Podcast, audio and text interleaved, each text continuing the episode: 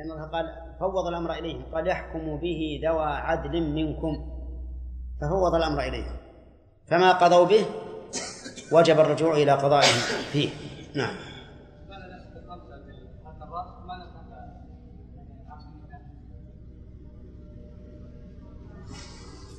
يسأل يقول لماذا لماذا نلحق الخمسة بحلق الرأس ولا نلحقها بعقد النكاح؟ وواحد آخر يقول لماذا لا نلحق عقد النكاح بهذه الخمسة؟ لأن الترفع في عقد النكاح موجود. على كل حال هذا كلام الفقهاء رحمهم الله وما قاله الفقهاء فهو الذي عليه الجمهور. وأنتم تعلمون أن الرسول صلى الله عليه وسلم لم يحج إلا مرة واحدة بعد فرض الحج. ولهذا تجد العلماء غالب أحكامهم تكون أقيسة. بعضها واضح وبعضها خفي. وأحيانا يكون تحكم يكون تحكما من بعض الفقهاء بدون دليل أو بنظر غير صحيح. ولهذا لو أن أحد قال أنا أنا أريد أن أقعد قاعدة الأصل براءة الذمة. الأصل براءة الذمة حتى يثبت أن هذا فيه فيه فدية. لأن الله يقول ونزلنا عليك الكتاب تبيانا لكل شيء. فإذا قال الله هذا حرام ولم يقل وفيه فدية فهو حرام ولا فدية فيه. ويكفي المؤمن أن يقال له إن فعلت كذا فأنت آثم. نعم. لكن نظرا إلى أن جمهور العلماء يقولون بهذا وأن إيجاب الفدية على الناس من باب من باب السياسة. السياسة التي تمنعهم من إيش؟ من الوقوع في المحظور. لأنك لو قلت لشخص لبس قميصا وسراويل وعمامة وخفا لو قلت ليس عليك في هذا إلا أن تستغفر الله قال بس. وهذا دائما يقولون كذا. إذا سألوا قلنا عليك التوبة بس التوبة والتوبة هي هينة. لكن العامة ما يدرون. يقول إن شئت أملأ لك منى ومزدلفة وعرفات من الاستغفار والتوبة. أما بس ما عندي ولا ما علي ولا قرش ما عندي. من أجل سياسة الخلق لإصلاحهم نقول قال العلماء كذا وكذا ونفتيهم. سمع صالح. بسم الله الرحمن الرحيم. الحمد لله رب العالمين وأصلي وأسلم على أشرف الأنبياء والمرسلين نبينا محمد وعلى آله وصحبه أجمعين. قال المؤلف رحمه الله وإياك. وأما دم متعة وقران فيجب الهدي فإن عدمه فصيام ثلاثة أيام والأفضل كون آخرها يوم عرفة وسبعة إذا رجع إلى أهله. والمحصر والمحصر إذا لم يجد هديا صام عشرة, عشرة ثم حل. عشرة أيام. نعم. صام عشرة, أي عشرة أيام ثم حل. ويجب بوطء في فرج في الحج بدنه وفي العمرة شاه وإن طاوعته زوجته لزمها.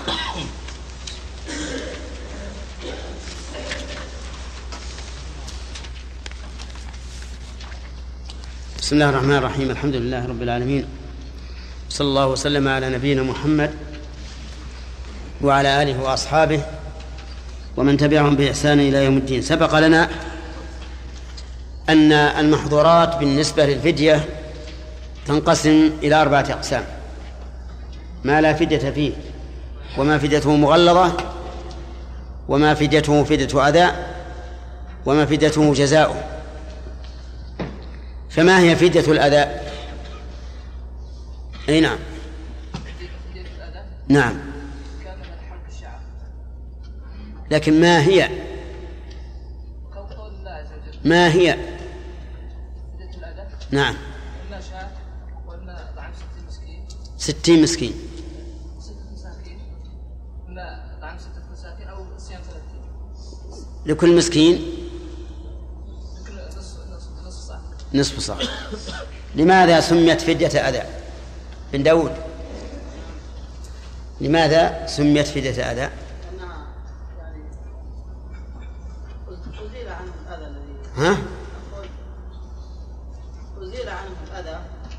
لماذا سميت فدية أذى؟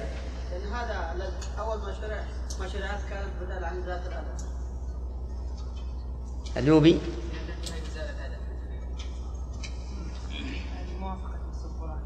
في قوله تعالى. ها؟ فمن كان منكم مريضا أو به أذى من رأسه ففدية من صيام أو صدقة أو نسك. طيب. وسبق وأما المغلظة فهي فدية الجماع في الحج قبل التحلل الأول وهي بدنة. وأما الجزاء ففي الصيد. وذكرنا أن الصيد ينقسم إلى قسمين ما له مثل وما ليس له مثل. فالذي له مثل يخير بين ذبح المثل أو تقويمه بدراهم يشتري بها طعاما فيطعم عن كل مسكين يوما عن كل آه، مسكين مد بر أو نصف ساعة من غيره أو يصوم عن إطعام كل مسكين يوم وأما الذي ليس له جزاء له, له مثل فيخير فيه بين شيئين بين الإطعام مش بعد والصيام. طيب. قال المؤلف رحمه الله تعالى بسم الله الرحمن الرحيم ناخذ درس الليلة. يقول المؤلف رحمه الله تعالى المحصر المتعة. نعم. وأما دم متعة وقران فيجب الهدي. ذكرنا المؤلف رحمه الله تعالى أدخل دم المتعة والقران بين بين فدة المحظورات. وهذا من حيث التنظيم التأليفي فيه نظر لأن الذي ينبغي أن يجعل كل صنف مع صنفه هنا قال وأما دم متعة وقران فيجب الهدي.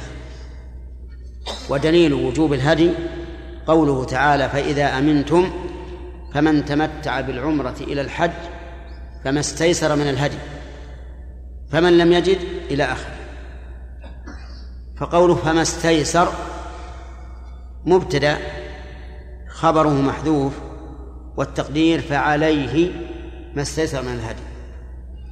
وما استيسر هذا باعتبار الوجود لا لا باعتبار الهدي نفسه. ولهذا لا يجزئ الهدي إلا إذا جمع شروطا أن يكون من بهيمة الأنعام وأن يبلغ السن المعتبر شرعا. وهو في الظأن ستة أشهر وفي المعز سنة وفي البقر سنتان وفي الإبل خمس سنوات. والثالث أن يكون سليما من من العيوب المانعة في الإجزاء وهي أربعة. فلا تجزئ العورة البين عورها ولا المريضة البين مرضها ولا العرجاء البين ضلعها ولا العجفاء وهي الهزيلة التي ليس فيها مخ. هذا قوله ما استيسر من الهدي. أما متى وأين يذبح فإنه يذبح في يوم العيد وأيام التشريق الثلاثة بعده. وأما أين يذبح فيذبح في منى وهو الأفضل أو في مكة أو في أي مكان من الحرم أي مما كان داخل من داخل حدود الحرم. وأما لو ذبحه في عرفة أو ذبحه في الشرائع مثلا أو ذبحه في الحديبية في طرفها الغربي فإن ذلك لا يجزي. لماذا؟ لأنه خارج حدود الحرم. يقول مالك وقران دم قران. فعطف دم القران على دم المتعة. وهو دليل وهو واضح في أن المؤلف رحمه الله يرى وجوب الدم على القارئ. وهذا مذهب جمهور العلماء أن القارن عليه دم كما أن المتمتع عليه دم.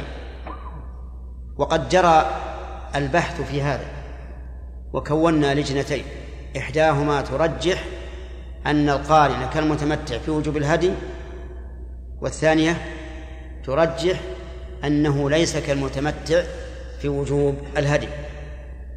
واطلعنا على بحث إحدى اللجنتين وهي التي ترى وجوب الدم على القارن والمتمتع. وأما اللجنة الأخرى فحتى الآن لم يأتنا بحثها موجود. أي لا بد أن نطلع عليه. الآن؟ طيب. نخلي بعد الدرس. طيب إذن القارن على كلام المؤلف كالمتمتع وهو وهو قول أكثر أهل العلم. والقول الثاني أنه ليس كالمتمتع وأنه ليس عليه هدي لأن الله قال فمن تمتع بالعمرة إلى الحج وهذا يقتضي أن يكون بينهما فاصل وهو الحل. ومعلوم أن المتمتع بالحل ليس كالذي سيبقى على إحرامه من حين أن يحرم إلى إلى يوم العيد. ثم إن المتمتع يجب عليه طوافان وسعيان عمرة منفصلة وحج منفصل والقارن ينقص عن المتمتع. ليس عليه إلا سعي واحد وطواف واحد. إلا على رأي من يرى أن القارن عليه طوافان وسعيان وهو مذهب أبي حنيفة رحمه الله. لكن الجمهور خالفوه والصحيح أن القارن فعله كفعل المفرد تماما. ليس عليه إلا طواف واحد وساع واحد. ما هو الطواف الذي عليه؟ طواف الإفاضة والسعي. أما طواف القدوم فهو سنة وليس بواجب. طيب. يقول فإن عدمه عدمه أي عدم الهدي. وعدم الهدي له صورتان.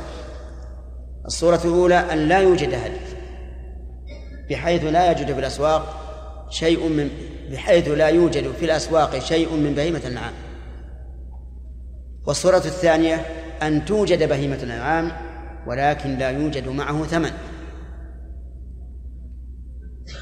فكل منهما يصدق عليه أنه لم يجد أنه عادم ولم يجد.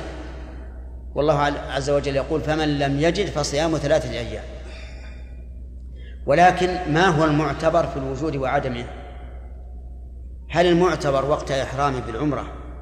بحيث نقول إذا كان معه وقت إحرامه بالعمرة دراهم يشتري بها ثم سرقت فإنه يعتبر واجدا.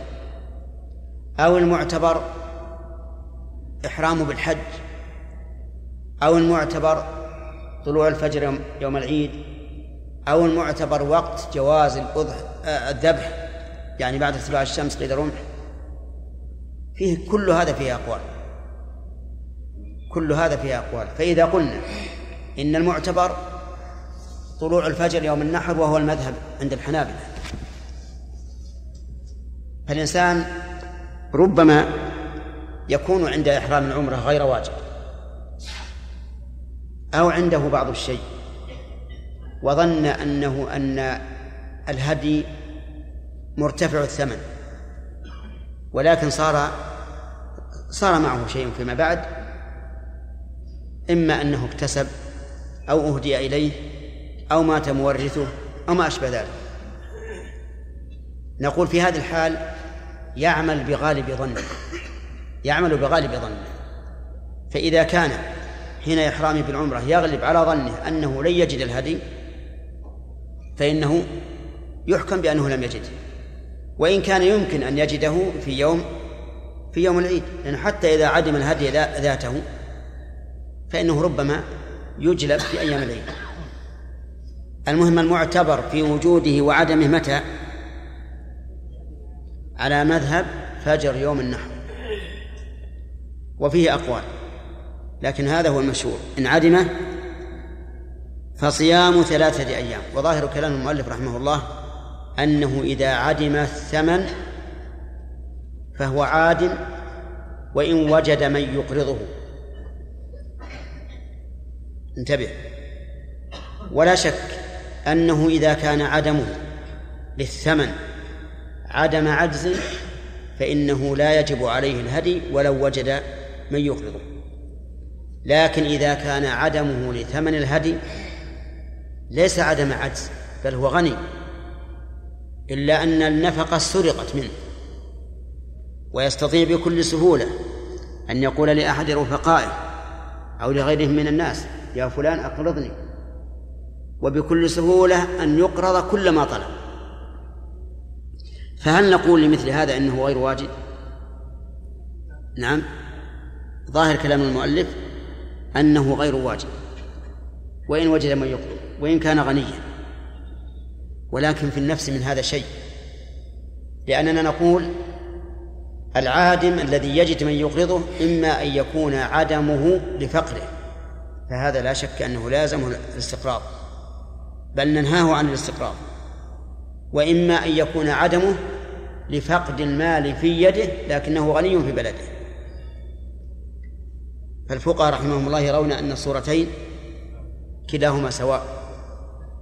وعندي في الصورة الثانية نظر لأن مثل هذا الرجل لا يقال إنه لم يجد على أن الغالب أن مثل هذا الرجل سوف يستقرض بكل سهولة ويجد من يقرضه ولا يصوم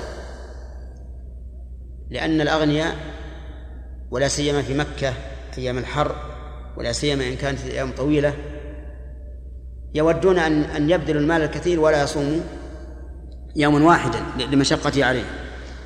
قال فصيام ثلاثة أيام في الحج والأفضل كون آخرها يوم عرفة.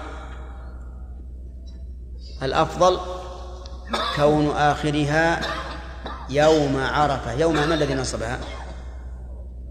خبر كون لأن كون مصدر كان والأفعال الناسخة تنسخ هي ومشتقاتها.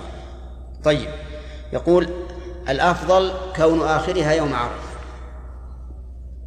فيصوم اليوم السابع والثامن والتاسع. ليكون آخرها يوم عرفة. قالوا وفي هذه الحال ينبغي أن يحرم بالحج في اليوم السابع. فيحرم اليوم السابع. ليكون صومه الأيام الثلاثة في نفس الحج. هكذا قالوا. وفي هذا نظر من الوجهين. من جهة تقديم الإحرام بالحج ومن جهة كون آخرها يوم عرفة. أما الأول فإن تقديم الإحرام الحج على اليوم الثامن خلاف هدي النبي صلى الله عليه وآله وسلم. والذي يظهر من حال الصحابة الذين تمتعوا أنهم فقراء. هذا الذي يظهر لأنهم لم يسوقوا الهدي. ولو كان عندهم غنى لساقوا الهدي كما ساقه الأغنياء. وإذا كانوا فقراء ففرضهم الصيام. ونحن نعلم أو يغلب على ظننا كالمشاهد أن الصحابة الذين حلوا لم يحرموا إلا في اليوم الثاني. لم يحرموا إلا في اليوم الثاني. فكيف نقول أحرم في اليوم السابع؟ ثم إننا على هذا القول نقول أحرم قبل فجر اليوم السابع. من أجل أن يكون الصيام شامل للثلاثة كلها. أن يكون نعم. أن يكون صيام الأيام الثلاثة كلها في الحج. وهذا فيه نظر. المسألة الثانية كون آخرها يوم عرفة. فيه نظر أيضا. وذلك لأن النبي صلى الله عليه وآله وسلم نهى عن صوم يوم عرفة بعرفة.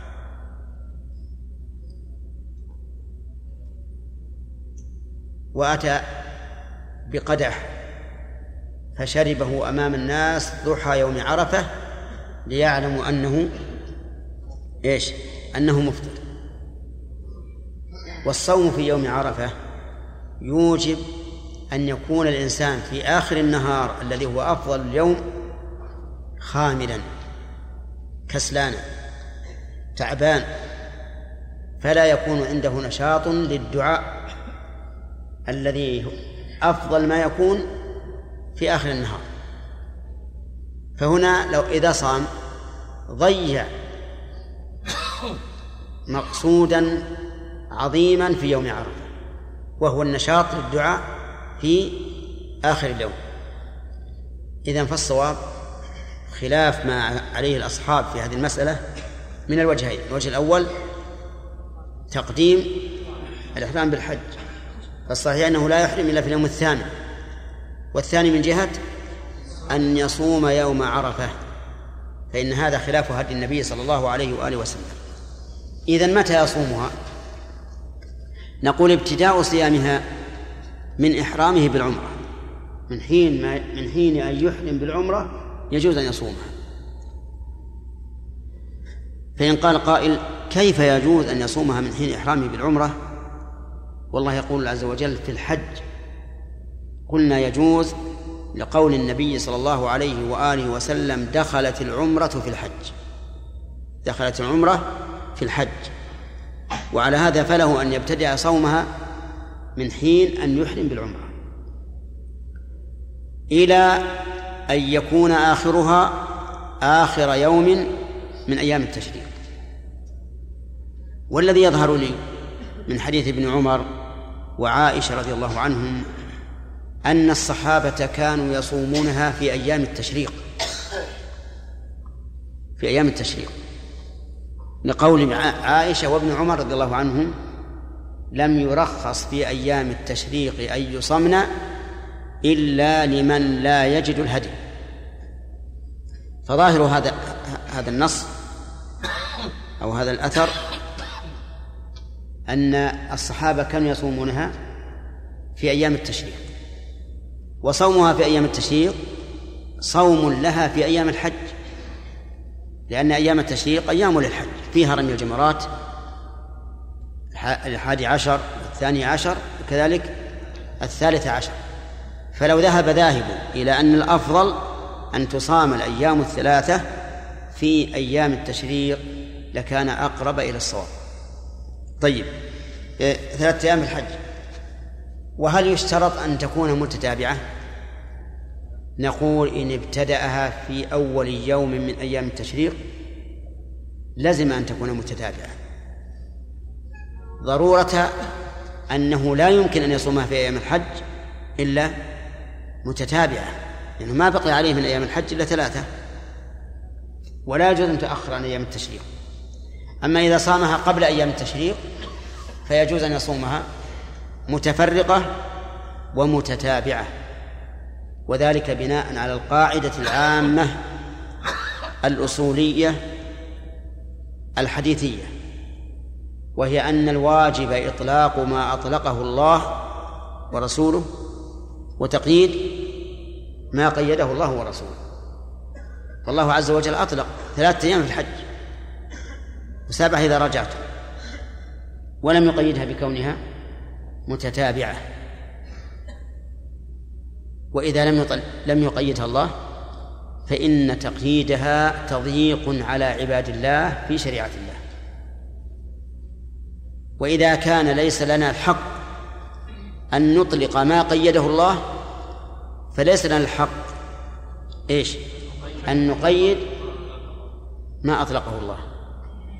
بل تقييد ما أطلقه الله أشد من إطلاق ما قيده الله.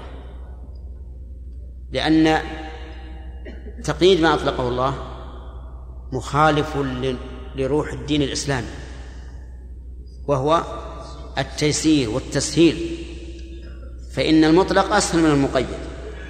وعلى هذا فنقول يجوز أن يصوم الأيام الثلاثة متتابعة ومتفرقة ما لم يكن تتابعها من ضرورة صومها في الحج. ومتى يكون من ضرورة صومها في الحج؟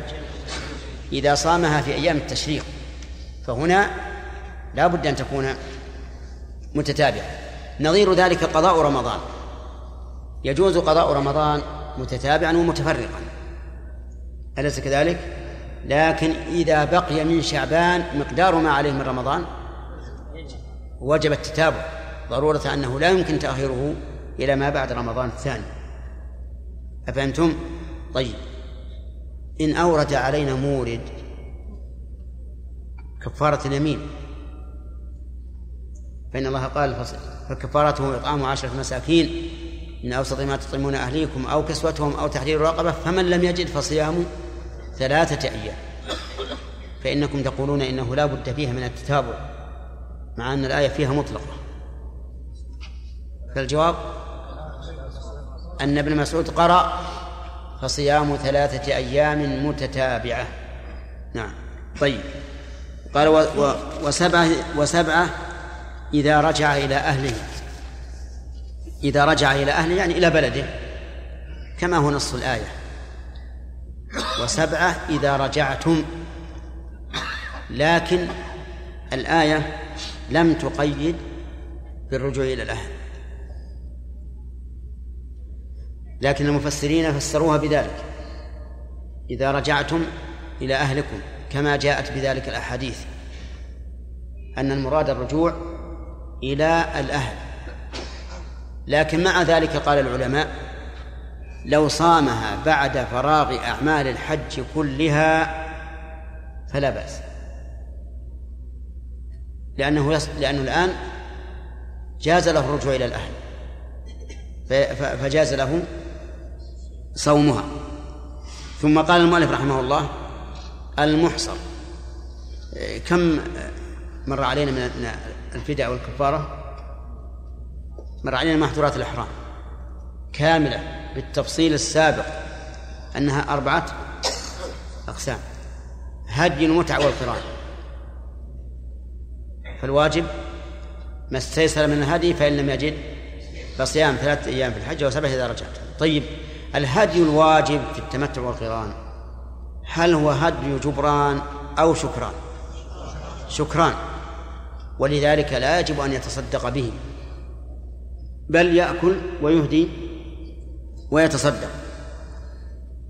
آه، النوع الثالث الدم الواجب بالإحصار.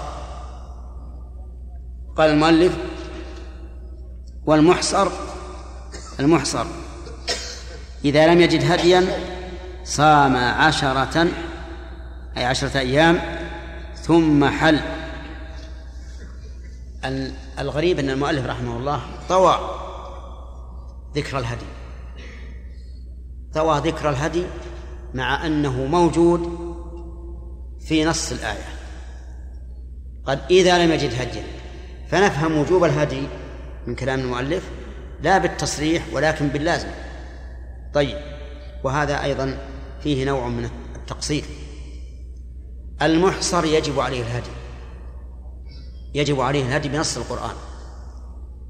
قال الله تعالى وأتموا الحج والعمرة لله فإن احصرتم فما استيسر من الهدي احصرتم أي منعتم عن إتمام النسك الحج والعمرة. فما استيسر ما هذه موصولة إعرابها مر علينا قريبا. لا. مبتدأ. والخبر محذوف. والتقدير فعليكم. فإن أحصرتم فعليكم ما استيسر من الهدي. فإذا أحصر الإنسان منع عن دخول مكة. فعليه ما استيسر من الهدي. الهدي أي هدي؟ الهدي الشرعي المعروف. الذي يجب أن يتم فيه ثلاث شروط. ثلاث شروط. أن يكون من بهيمة العام بالغا السن المقدر شرعا سليما من العيوب المانع من الإجزاء. يجب عليه الهدي بنص القرآن. أين يذبح الهدي؟ ومتى؟ يذبحه عند الإحصار. وفي مكان الإحصار. يعني وقت ومكان الإحصار. دليل ذلك هذه الآية. إن أحصرتم فما استيسر من الهدي. وقد ساق النبي صلى الله عليه وآله وسلم الهدي معه في عمرة الحديبية. ولكن منعه المشركون أنفة وحمية جاهلية أن يدخل مكة. ووالله إنه أولى به منه. وما كان أولياءه إن أولياؤه إلا المتقون. لكن منعوه مع أنه لو جاء رجل مشرك من أقصى المكان ومن أبعد العرب عن عن بني هاشم أو قريش لفتحوا له الأبواب. لكن محمد عليه الصلاة والسلام منعوه إلا أن الله عز وجل سلطه عليهم ففتحها عنوة فتح مكة عنوة بالسيف.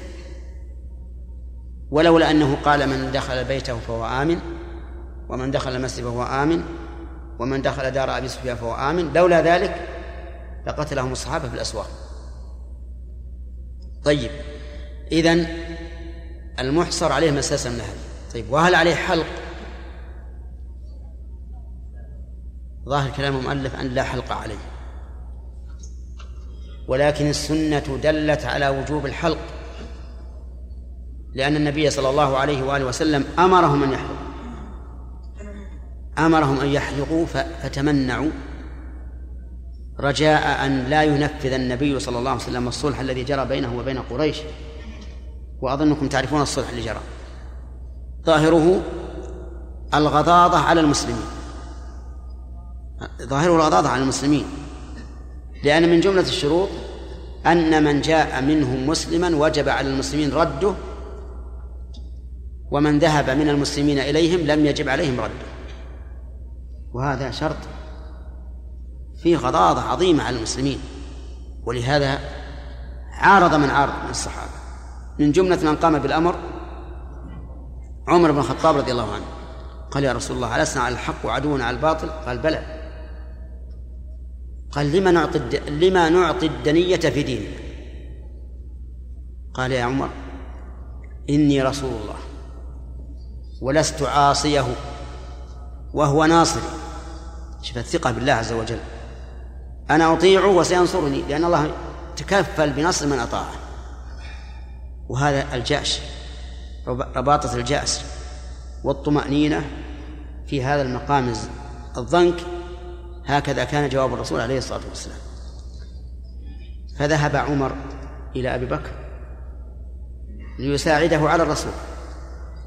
يكون معه. ولكن كان جواب أبي بكر كجواب الرسول صلى الله عليه وسلم سواء بسواء. كأنه يسمعه الرسول يسمع أبا بكر وهو ما علم ومن هنا نعرف أن أبا بكر أقرب إلى إصابة الصواب من عمر. لأنه وافق الرسول في هذا. وحصل ما حصل وكانت النتيجة أن يحلوا من عمرتهم. بدل لبيك اللهم لبيك انقطعت التلبية وأمرهم النبي صلى الله عليه وسلم أن أن يقصروا ولكنهم تأبوا. عصيانا أو انتظارا لتغيير الرأي. الثاني انتظارا لتغيير الرأي. فدخل الرسول عليه الصلاة والسلام على أم سلمة رضي الله عنها وكانت امرأة عاقلة. فوجدته متغيرا. قالت ما الذي غيره؟ قال كذا وكذا. آمرهم ولم يفعلوا. قالت أتريد أن يفعلوا؟ قال نعم. قالت اذهب اخرج الآن. وادع الحلاق واحلق ولا تكلم أحد. فخرج ودعا بالحلاق فحلق رأسه فصار يكاد يقتل بعضهم بعضا على الحلق. سبحان الله شوف الاقتداء بالفعل أعظم من الاقتداء بالقول. حلقوا. في هذا الحديث دليل على وجوب الحلق وإن لم يكن مذكورا في القرآن لكنه جاءت به السنة والسنة تكمل القرآن. إذا لم يجد المحصر هديا ماذا يصنع؟ قال المؤلف يصوم عشرة أيام ثم يحل. بعد عشرة أيام يبقى عشرة أيام على إحرامه حتى يصوم العشرة ثم يحل. ما الدليل؟ قياسا على إيه؟ قياسا على التمتع قالوا لأن هذا ترفه بالتحلل من الإحرام فلزمه الهدي كما ترفه المتمتع فلزمه الهدي فإن لم يجد فعليه أن يصوم عليه أن يصوم عشرة أيام كما على المتمتع طبعا. لكن هذا القياس قياس مع الفارق ومخالفة النص. قياس مع الفارق ومع مخالفة النص. كيف كان مخالفا للنص؟ الحكمان في آية واحدة. حكم الإحصار وحكم التمتع. في آية واحدة. ومنزل الآية. نعم. واحد. وعالم. الأحكام. جل وعلا. قال في التمتع فمن تمتع بالعمرة إلى الحج فما استيسر من الهدي فمن لم يجد فصيام. وقال في الإحصار فإن أحصرتم فما استيسر من الهدي ولا تحلقوا رؤوسكم. انتقل إلى حكم آخر. لو كان الحكم واحدا هل يذكر الله عز وجل البدل في التمتع ولا يذكر البدل في في الإحصار؟ أبدا لا يمكن. فلما سكت الله عن الصيام في الإحصار وأوجبه في التمتع لمن عدم دل على أن من لم يجد من المحصرين فليس عليه شيء. يحل بدون شيء. والغريب أن الفقهاء رحمهم الله أحيانا يستعملون النصوص على وجه يقع الإنسان فيه حيران.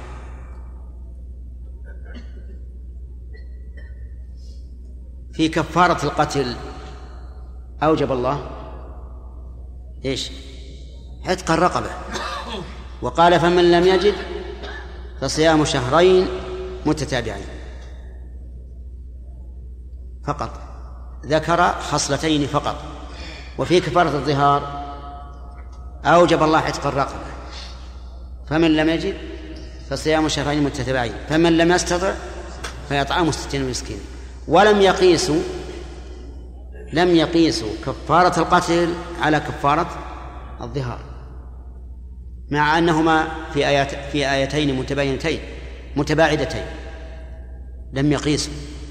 وقالوا لو كان الإطعام واجبا. إذا لم يستطع الصوم لذكره الله كما ذكره في في آية الظهار.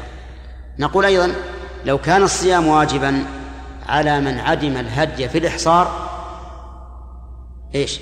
لذكره الله. هذا وجه كون هذا الحكم مخالفا للنص. أما كونه مخالفا للقياس فنقول بينهما فرق عظيم. المتمتع ترفه بالتحلل بالعمرة. لكنه حصل له مقصوده بإيش؟ بالحج. حصل له مقصوده بالحج. لكن هذا المحصر المسكين ما حصل له مقصوده ولا بالعمرة. فكيف يقاس من حصل له مقصوده على وجه التمام بمن لم يحصل له ولا بعض مقصوده؟ فالتمتع وجب الهدي فإن لم يستطع فلا ف فإن لم يجد فليصم ثلاثة أيام في الحج وسبع إذا رجع لكمال النعمة. لا تذهب سدى إما هدي أو بدل أو بدل الهدي. فظهر بذلك الفرق بين الحكمين أو بين الحالين وأنه لا يصح قياس أحدهما على الآخر. وعلى هذا فنقول المحصر يلزمه الهدي إن قدر وإلا فلا شيء عليه. نعم. دقيقة. ويجب الوطن في ويجب الوطن في في فرج بالحج بدنه قرأنا ذلك ها؟ ها؟ نعم. وفي العمر شاة وإن طاوعته زوجته لزمها وفي نسخة لزماها. إن طاوعته يعني وافقته على الجماع. في الحج أو في العمرة لزماها لزماها أي البدنة في الحج والشاة في العمرة. أو لزمها أي لزمها الحكم. نعم؟ انتبه. إن طاوعت. وإن أكرهها. ظاهر المؤلف أنه إذا أكرهها لا يلزمها. لا يلزمها ذلك. ولكن هل يلزم الزوج أو لا يلزم أو تسقط الفدية مطلقا الزوج هل هل يلزم الزوجة أن يكفر عن زوجته لأنه أكرهها؟ نعم. أو لا؟ لا. في المسألة قولان. المذهب لا. لا فدية على مكرهة ولا على من أكرهها. لقوله تعالى وليس عليكم جناح فيما أخطأتم به ولكن ما تعمدت قلوبكم وقوله من كفر بالله من بعد إيمانه إلا من أكره وقلبه مطمئن بالإيمان ولكن من شرح بالكفر صدرا فعليهم غضب من الله ولهم عذاب عظيم. طيب أكرهها نقول ليس عليها فدية. هل يفسد حجها؟ لا لأنها مكرهة. طيب. عندي في الشرح تكميل لا بد منه. قال الدم الواجب لفوات أو ترك واجب كمتعة. يعني كدم المتعة. الدم الواجب لفوات. ما هو الفوات؟ الفوات أن يطلع فجر يوم يوم النحر قبل أن يقف بعرفة. فالحاج إذا طلع عليه فجر يوم النحر قبل أن يقف بعرفة فاته الحج. ويلزمه دم لفواته إذا لم يكن اشترط كذلك الدم الواجب لترك واجب. إذا عدمه يصوم عشرة أيام. ثلاثة في الحج وسبعة إذا رجع. مثاله لو ترك رمي الجمرات. نقول يلزمه إيش؟ دم فإن عدم صام ثلاثة أيام في الحج وسبعة إذا رجع. العلة القياس على دم المتعة ولكن هذا فيه نظر لأنه فرق عظيم بين دم المتعة وبين ترك الواجب. الدم الواجب لترك الواجب دم جبران لنقص والدم الواجب للمتعة والقران دم شكران لتمام. فكيف نقيس على هذا على هذا؟ لعلنا لا نعارض في وجوب الدم على من ترك الواجب. بمعنى عسى أن نلزمه بالدم لأنه لا دليل على إيجاب الدم على من ترك الواجب إلا أثر ابن عباس رضي الله عنه أنه قال من نسي شيئا من نسكه أو تركه فليهرق دما. ما في غير هذا. الرسول عليه الصلاة والسلام ما في عنده عنه ولا حرف واحد على أن من ترك واجبا فعليه دم. لكن هذا الأثر تلقاه العلماء بالقبول وقالوا من ترك شيئا من نسكه فعليه دم. مع أنهم لا يقولون بإطلاقه لو قلنا بإطلاقه لقلنا من ترك الاطباع فعليه دم. من ترك صلاة ركعتين خلف المقام فعليه دم.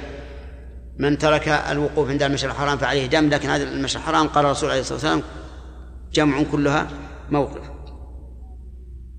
فهم لا يقولون بإطلاقه يحملونه على أن من ترك شيئا من نسكه الواجب أو نسيه فليفرق دما قالوا ولهذا حكم الرفع هذا له حكم الرفع ولكن قد يقال هذا ليس له حكم الرفع لأن حكم الرفع ما قاله الصحابي وليس للرأي فيه مجال. وهنا ربما يكون للرأي فيه مجال. ربما يقول ابن عباس رضي الله عنهما إذا كان انتهاك النسك بفعل المحظور موجبا للدم فانتهاك النسك بترك المأمور. مثله. فيكون للرأي فيه مجال. على كل حال ليس هذا موضع الكلام على وجوب الدم بترك الواجب أو لا لكن نريد أن نبين أن المؤلف رحمه الله يرى أن من ترك واجبا فعليه دم فإن لم يجد صام عشرة أيام. نقول لا دليل على وجوب صيام عشرة أيام. وأن من ترك واجبا فعليه دم فإن لم يجد فليس عليه شيء. لأن إيجاب العبادات على العباد ما هو هين. إيجاب ما لم يجب كتحريم ما لم يحرم. بل قد يكون أشد. نعم.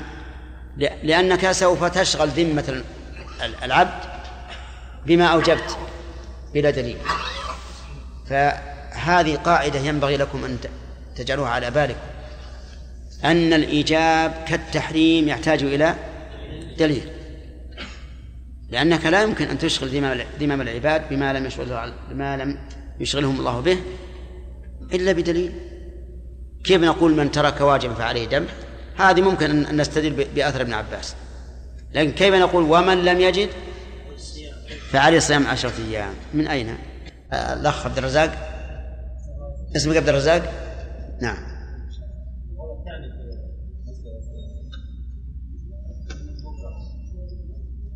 إيه القول الثاني أن أن المكره عليها فدية وتكون على الزوج. نعم. لا صحيح المذهب. صحيح المكره ما عليه شيء. إذا وجامعها في الحج ولكن بعد المباشرة يعني كأنها زادت بينه وبين نفسه ما يحصل. كيف؟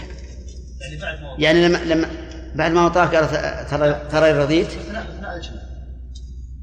هذه لابد منها. غصب عليه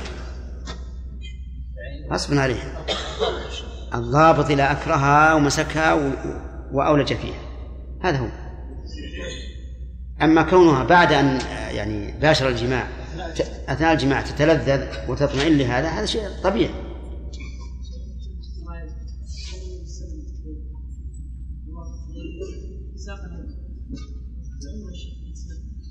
أي نعم. العمرة فيها سوق هدي هذا الكيف.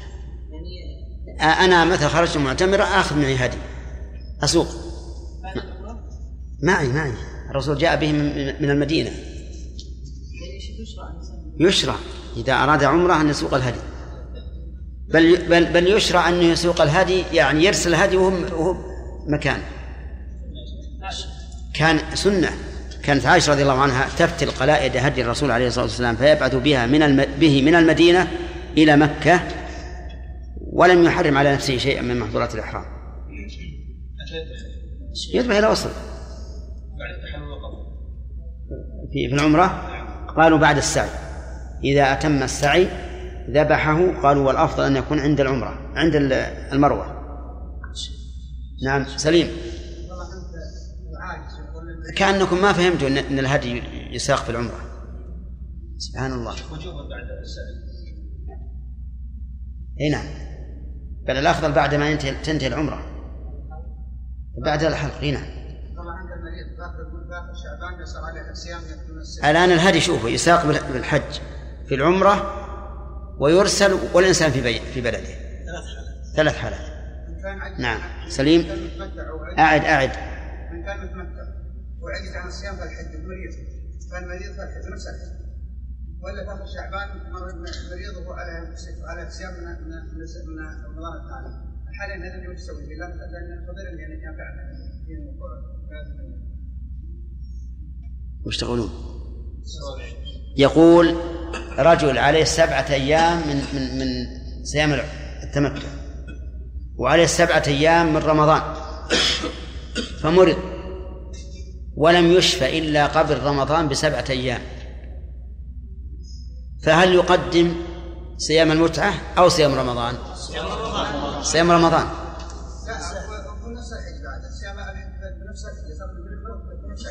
أي نعم. ما يخالف كل واحد. لأن صيام الأيام الثلاثة والسبعة ما له وقت.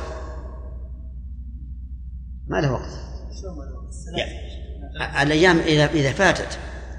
إذا فاتت أيام الحج ما له وقت. يعذر نعم. في نفس الحج. نعم. نعم.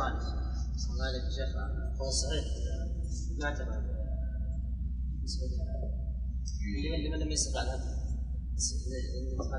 الانتقال الصيام كيف؟ يتمتع اذا إذا لم يستطع الهدي نعم. ما يعتبر متى وقلنا المذهب من الفجر من فجر من فجر يوم النحر. وفي قول ثاني انه من ارتفاع الشمس قيد الرمح وهذا القولان متقاربان يعني الغالب إن اللي ما يجري إذا عند طلوع الفجر ما يجري. لا يا يا حجاج غلبونا الآن. الآن بنخلي أسئلة في الحج. نعم. الآن؟ اليوم؟ اي استعراب اي أجل خلاص وقفت الحين الشيخ هذا هي الثلاثة ها؟ لو تركها الإنسان تكاسل وش هي؟ الأيام الثلاثة. إي نعم. تركها الإنسان وأتى المذهب يشددون فيها تماما. يقول لو تركها حتى لعذر فعليه أن يصومها وعليه دم. طيب ما عنده ما عنده دم. ما عنده مال حتى يصوم. عنده ها؟ هل يبقى في مكة؟ يلزم يبقى؟ لا لا ما يلزم ما يلزم يقضيها وعليه دم ولو لعذر. لو كان مثلا في أي... إنه أخرها لأيام التشريق ومرض على المذهب يلزم أن ي- أن يقضيها ويلزمه دم. صحيح ما صحيح. الصحيح أنه إذا عجز لا ما تسقط مثل مثل رمضان. إذا عافاه الله يصوم. نعم. يطعم عن كل يوم مسكين. شلون عليه ولما قدر يصوم بعد يقول يصوم ثلاثة أيام عن الصيام الم- المتعة. ثم عليه دم لتأخيرها عن أيام أيامها. ما استطاع الدم يصوم ما قال شيء. إذا ما استطاع الدم يبقى حتى يجي- يجيب الله له دم. على كل حال هو قول ضعيف. القول الضعيف دائما يكون غير مضطرب. نعم. فإذا كان غير مضطرب الحمد لله. قلنا إن الإعراب مع التبشير لازم له لا يمكن ان ها هذا هو الأصل هذا هو الاصل قررنا؟ ذلك قررنا ليش الجمعة الماضية حلو علم خير إن شاء الله. ما في رأي ثالث بعد؟ الرجوع أسئلة الحج لا ما يخالف. أنا أنا أنا ودي لأن لأن ال- الفقه فقه الشيء في وقته له ثمرة قوية. نعم؟ سأل قبل نعم.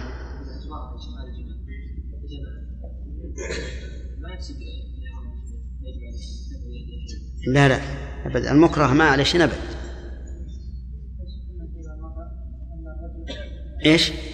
وش قلنا؟ فيما مضى. إي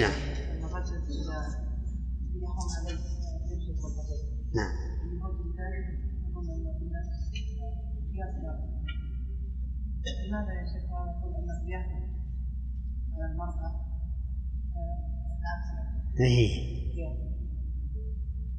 يعني يحرم عليها أن تلبس الخفين قياسا على تحريمها على الرجل. على تحريمها على الرجل. لا قياسا على تحريمها على الرجل. كما قسنا تحريم القفازين على الرجل قياسا على تحريمه على المرأة. هكذا تقول. أي هذا هذا قول وجيه لا شك. يعني كأنه يقول يجوز للرجل أن يلبس القفازين في الإحرام. كذا؟ وأنه ليس حرام ليس حراما ولا يصح القياس على تحريمها على المرأة. نقول هذا لا, لا يرد. لأنه في عهد الرسول عليه الصلاة والسلام ما كان الرجال يلبسون القفازين أبدا بل يعد لبس القفازين من الرجال تشبها بالمرأة.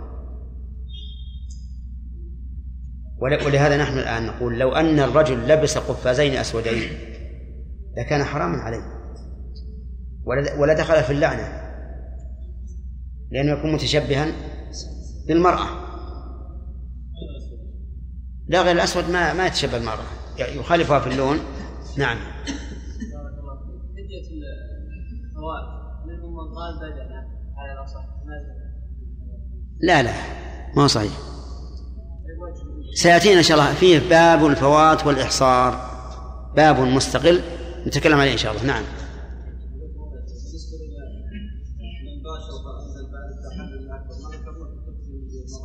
ما ذكرنا إيش؟ التحلل الأكبر ولا الأول؟ ما ذكرناه يا جماعة. ها؟ كل محظور ففديته فدية أذى والجماع بعد التحلل الأول محظور. فيكون فتكون فديته فدية أذى جامع زوجته وهو محل. وهي محرمة وكراهة هل يكون في ذلك عليه شيء سدا للباب؟ أنا قد كررت إذا كان محرما لها. وهو محل. يعني كيف ما فهمت؟ هو محل مع زوجته محرم. نعم. وهي محرمة. الزوج محل وهي محرمة. نعم نعم. فليس عليها شيء. عليه هو ما على الشيء هو. وح- هو آثم فقط. ربما يكررها مرة ثانية يأثم الواجب عليه تمتنع. ما الواجب؟ أن تمتنع. ولكنه يكررها مرتين المهم على كل حال أنه ليس عليه شيء لأنه محل. وهي ليس عليها شيء لأنها مكرهة. نعم. شيخ كل الصيد شروط انه يكون وحشي ولكن ما ندري لأنه لا يسمى صيدا إلا ما كان كذلك كيف نميز بين ها؟ الوحشي كيف نميز بين الوحشي والانسان؟ إيش؟ كيف آه. نعرف انه أصله وحشي؟ ال- ال- الوحشي هو المستوحش من بني آدم ما يمكن تأخذه إلا بصيد والمستأنس مثل الدجاج وشبه أشياء كثيرة يعني يسمونها الدواجن عندنا أظن تسمى الدواجن الملك ما وجد البدن الذي جامع زوجته هل عليه شاة؟ لا. الفقهاء يقول عليه يصوم عشرة أيام. قياسا على التمتع. ولكن ما هو صحيح. لكن ما تحول إلى شاة أبد. إذا ما عليه شيء. نعم. نعم. ما ذكرت شيخ من الحديث عن النبي صلى الله عليه وسلم انه نهى عن صوم يوم عرفه لمن بعرفة. إيش؟ إنه نهى عن صوم يوم عرفه لمن لمن نعم نعم. يشمل يا شيخ غير المحرمين. غير إيش؟ غير المحرمين. لا. المراد بالمحرمين. وعلى كل حال أنا نسيت أن أنبهكم. هذا الحديث فيه مقال لكن يؤيده أن الرسول لم يصم مع أن صوم عرفة يكفر السنة التي قبله والتي بعده. نعم. الرحمن الرحيم الحمد لله رب العالمين وصلى الله وسلم على نبينا محمد وعلى آله وصحبه أجمعين. قال رحمه الله تعالى فصل ومن كرر محظورا من جنس ولم يفد فدى مرة بخلاف صيد ومن فعل محظورا من أجناس فدى لكل مرة رفض إحرامه أو لا ويسقط بنسيان ويسقط بنسيان فدية, فدية بنسيان ويسقط بنسيان فدية لبس وطيب فدية ويسقط بنسيان فدية لبس وطيب وتغطية رأس دون وطء وصيد وتقليم وحلاق. بسم الله الرحمن الرحيم. الحمد لله رب العالمين. وصلى الله وسلم على نبينا محمد وعلى آله وأصحابه ومن تبعهم بإحسان إلى يوم الدين. سبق لنا الواجب في دم المتعة والقران وكذلك في بقية محظورات الإحرام وكذلك في الإحصار. سبق لنا أن الإحصار يجب فيه دم. ودليله قوله تعالى فإن أحصرتم فما استيسر من الهدي وأنه إذا عدم الدم فلا شيء عليه على القول الراجح. وسبق لنا أنه يجب في الإحصار حلق.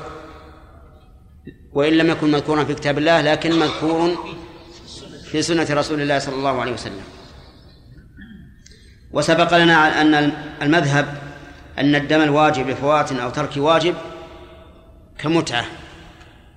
وأن القول الراجح أن الدم الواجب لترك واجب إذا كان معسرا فلا شيء عليه لا صيام ولا إطعام. ثم قال المؤلف رحمه الله فصل ومن كرر محظورا من جنس من جنس واحد فدى مرة ولم يفدي فدى مرة بخلاف صيد. إذا كرر الإنسان المحظور من جنس ولو أكثر من مرة ولو عشر مرات. ولم يفدي فإنه يفدي مرة واحدة. مثل أن يقلم مرتين أو يلبس مخيطا مرتين أو يحلق مرتين أو يباشر مرتين أو أكثر وهو من جنس واحد فإن عليه فدية واحدة إذا لم يكفر. قياسا على ما إذا تعددت أحداث من جنس واحد فإنه يكفيه وضوء واحد. يكفيه وضوء واحد. كذلك هذه المحظورات. إذا فعل شيء أشياء من جنس واحد فعليه فدية واحدة. اللبس شيء واحد. الحلق شيء واحد التقليم شيء واحد الطيب شيء واحد تغطية الرأس شيء واحد. وعلى هذا فلو لبس وغطى رأسه ففديتان لأن تغطية الرأس من جنس واللبس من جنس آخر. نعم لو لبس عمامة بقصد اللبس فهنا يمكن أن نجعلها مع مع لبس القميص شيئا واحدا. لكن إذا غطى رأسه بغير ما يلبس عادة ولبس قميصا فإنه يعتبر شيئين لأنهما جنسان. حلق أصبع يد وأصبع رجل.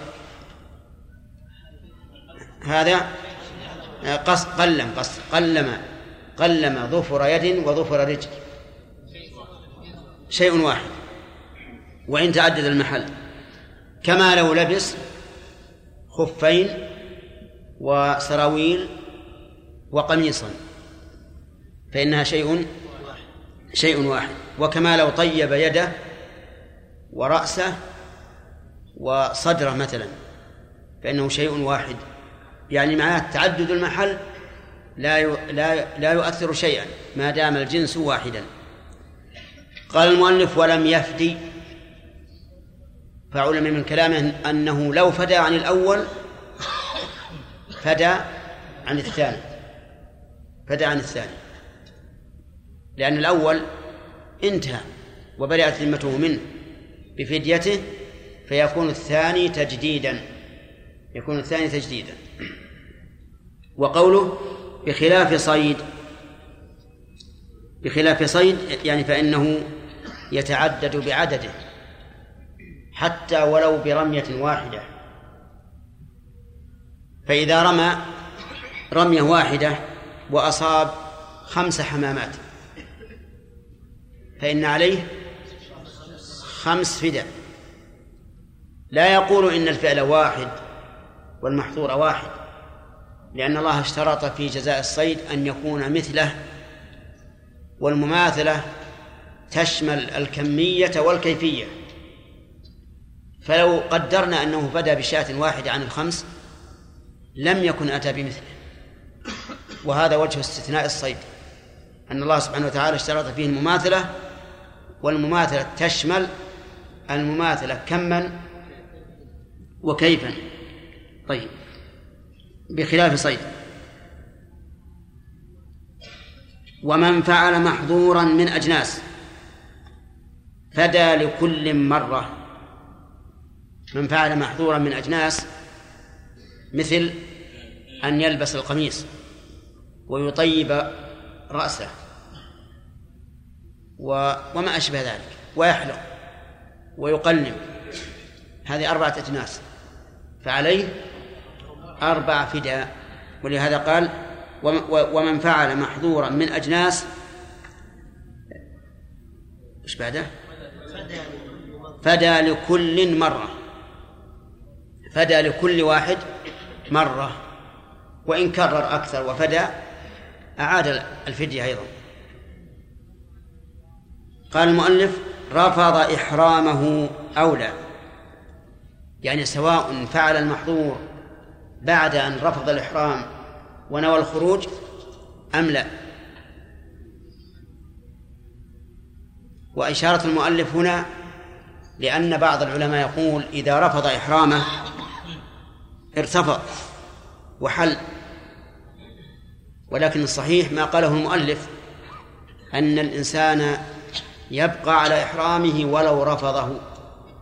اللهم إلا أن يكون غير مكلف كالصغير فإن الصغير إذا رفض إحرامه حل منه لأنه ليس أهلا للإيجاب. وقوله رفض إحرامه أو لا يعني أم لم يرفضه؟ ظاهره أنه لا شيء عليه برفضه وأن وجود هذا الرفض وعدمه على حد سواء وهذا هو الصحيح. وقال بعض العلماء يلزمه لرفضه دم لأنه يحرم عليه أن يخرج من النسك بعد أن تلبس به فإذا رفضه وحاول الخروج فهذا وقوع في محظور فيلزمه الدم والصحيح ما قاله المؤلف ما, ما, ما هو ظاهر كلام المؤلف أنه لا شيء عليه ونسأل الأخ سامي هل هو فاهم؟ فاهم؟ طيب آه، رجل أحرم بالعمرة ثم رفض الإحرام ثم فعل المحظور هل يكفر أو لا؟ ما يحتاج توقف هذا. يكفر يكفر لأن المؤلف يقول رفض إحرامه أولى. لأن رفض الإحرام لا أثر له. إذ أنه لا يمكن الخروج من النسك إلا بواحد من ثلاثة أمور. إتمام النسك التحلل إن شرط الحصر. أما مجرد النية الإنسان يتلاعب يقول هونت هذا ما يمكن. إذا المثال رجل رفض إحرامه ثم لبس. هل عليه فدية؟ هون هون. طيب رجل صائم فرفض صومه وشرب. نعم؟ نعم. نقول الآن بطل الصوم. في رمضان وغير رمضان. لكن في رمضان لا يحل له أن يأكل ويشرب لأنه أفطر لغير عذر. طيب وهذا مما اختص به الحج من بين سائر العبادات. سائر العبادات إذا خرج منها يعني رفضها خرج منها. أما الحج فلا. الحج لا يخرج منه إلا بواحد من ثلاثة أمور. الأول إتمام الثاني التحلل إن شرط والثالث الحصر. نعم. رفض إحرامه أولا قال المؤلف ويسقط بنسيان فدية لبس وطيب وتغطية رأس دون وطء وصيد وتقليم وحلق. المحظورات تنقسم باعتبار سقوطها بالعذر إلى قسمين. قسم تسقط فديته بالعذر وقسم لا تسقط. يقول المؤلف يسقط في النسيان ومثل الجهل والإكراه فدية اللبس. فدية اللبس. يعني لو أن الإنسان لبس نسج فلبس ثوبا وهو محرم فليس عليه شيء. ولكن عليه متى ذكر أن يخلعه ويلبس الإزار والرداء. كذلك الطيب لو تطيب وهو محرم ناسيا فلا شيء عليه. لكن عليه إذا ذكر أن يغسله أن يبادر بغسله. وفي هذا الحال أي في حال غسله إياه لا شيء عليه مع أنه سيباشره. لأن هذه المباشرة للتخلص منه لا لإقراره انتبه. والتحرك في الشيء للتخلص منه لا يعتبر ذلك حراما. أرأيت لو أن شخصا غصب أرضا وسكن فيها. أتى بأثاث وسيارات وأولاده وسكن. ثم جاءه رجل وعظه فقال بسم الله مشينا. مدة مشيه في هذه الأرض هل يؤاخذ به؟ لا لأنه إنما تحرك للتخلص لكن لو قام من مكانه يتمشى في الأرض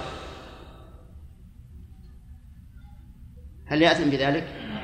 نعم لأنه لم يحاول التخلص أيضا الرجل يستنجي بالماء فيباشر النجاسة بيده ولا يأثم بهذا. لماذا؟ لأنه إنما يفعل ذلك للتخلص منه. فالطيب الذي يغسله المحرم إذا تطيب ناسيا ثم ذكر نقول اغسل الطيب. قال كيف أغسله؟ إذا معناها أباشر الطيب. قلنا نعم تباشر الطيب لكن تخلصا منه. طيب. تغطية الرأس. في اللباس قلنا يجب عليه أن يخلعه. لكن سبق لنا مشكلة في هذا. ما هي؟ أنه إذا حاول خلعه غطى رأسه. قال بعض العلماء يوسع الجيب شوي وينزله من أسفل. وقلنا فيما سبق الصحيح أنه ليس بلازم وأن هذه التغطية عابرة للتخلص من هذا اللباس. طيب. وتغطية رأس. يعذر يسقط بالإنسان فدية تغطية الرأس. لو غطى رأسه ناسيا وهو محرم فلا شيء عليه. ولكن متى ذكر وجب عليه كشفه. طيب النوم مثله؟ لو أن الإنسان وهو نائم غطى رأسه. هل عليه فدية؟ لا لأنه مرفوع عنه القلم لكن متى استيقظ؟ وجب عليه كشفه. طيب ما هو الدليل على سقوط هذه الأشياء بالنسيان والجهل والإكراه؟ الدليل قوله تعالى ربنا لا تؤاخذنا إن نسينا أو أخطأنا فقال الله قد فعلت.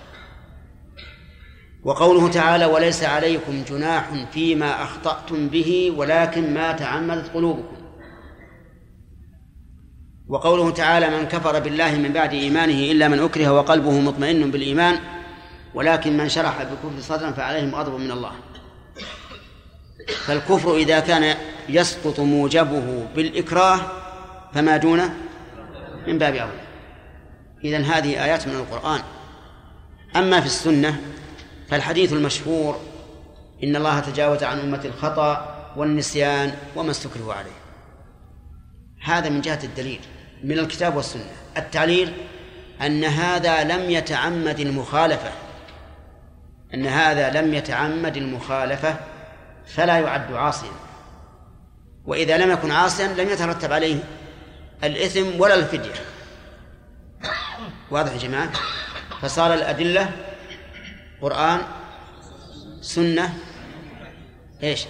تعليل وهو ما يسمى بالنظر الدليل النظري.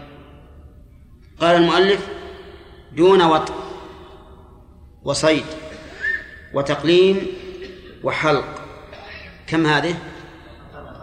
دون وطء يعني أنه لا تسقط الفدية إذا وطئ ناسيا أو وطئ جاهلا أو وطئ مكرها. انتبه. إذا وطئ ناسيا أو جاهلا أو مكرها. لماذا؟ قالوا لأن النسيان يبعد. إنسان محرم ويعرف أن الجماع ويعرف أن الجماع حرام يبعد أن ينسى. لا سيما وأن عليه لباس الإحرام.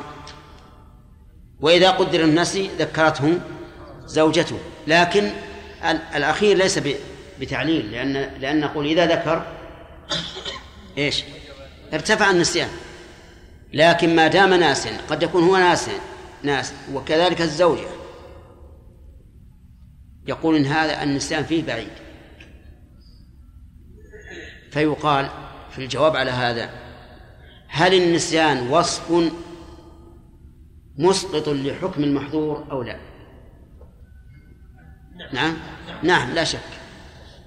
إذا كان كذلك فسواء كثر أم لم يكثر. الجهل قالوا لا يعذر فيه. إذا جامع زوجته جاهلا فإنه لا يعذر. ولنفرض أن رجلا جامع زوجته ليلة مزدلفة لأنه سمع أن الحج عرفة وقال انتهى الحج. فجامع.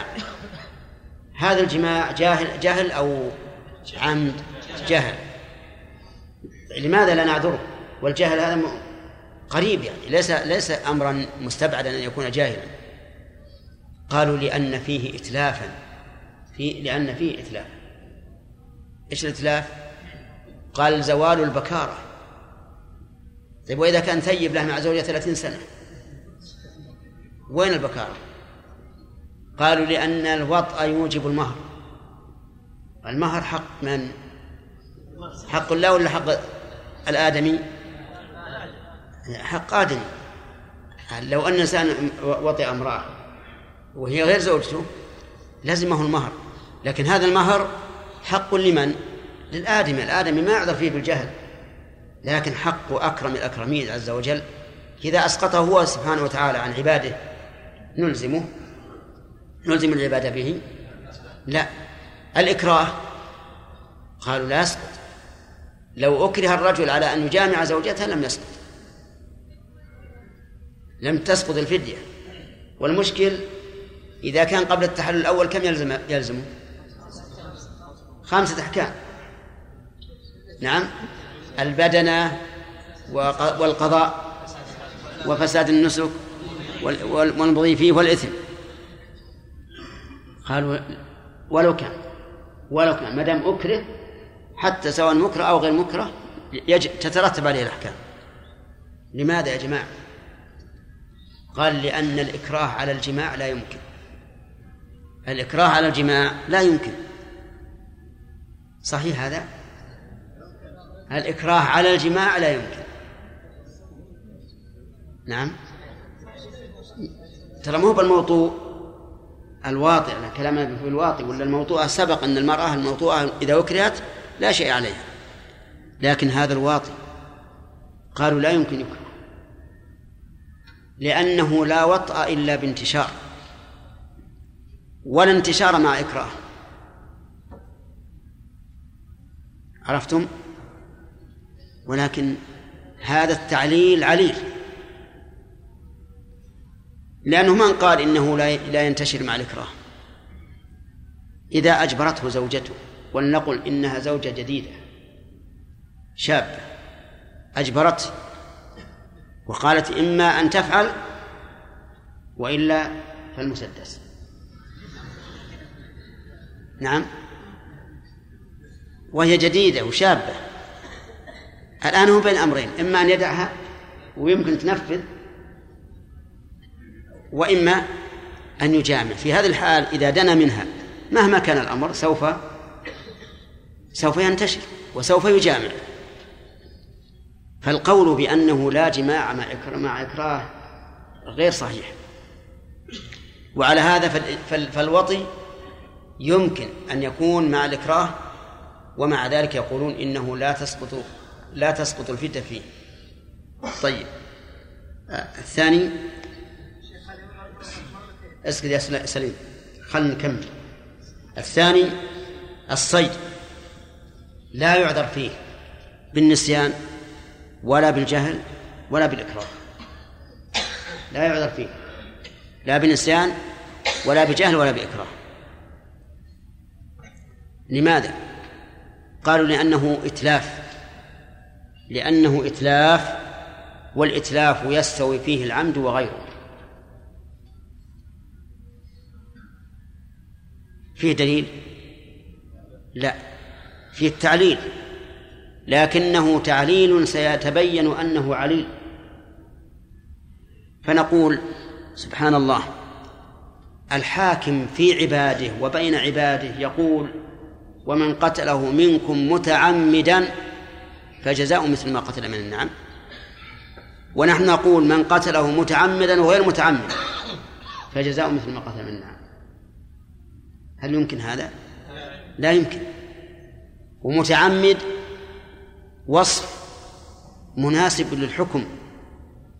فوجب أن يكون معتبرا لأن الأوصاف التي علقت بها الأحكام إذا تبين مناسبتها لها صارت علة موجبة.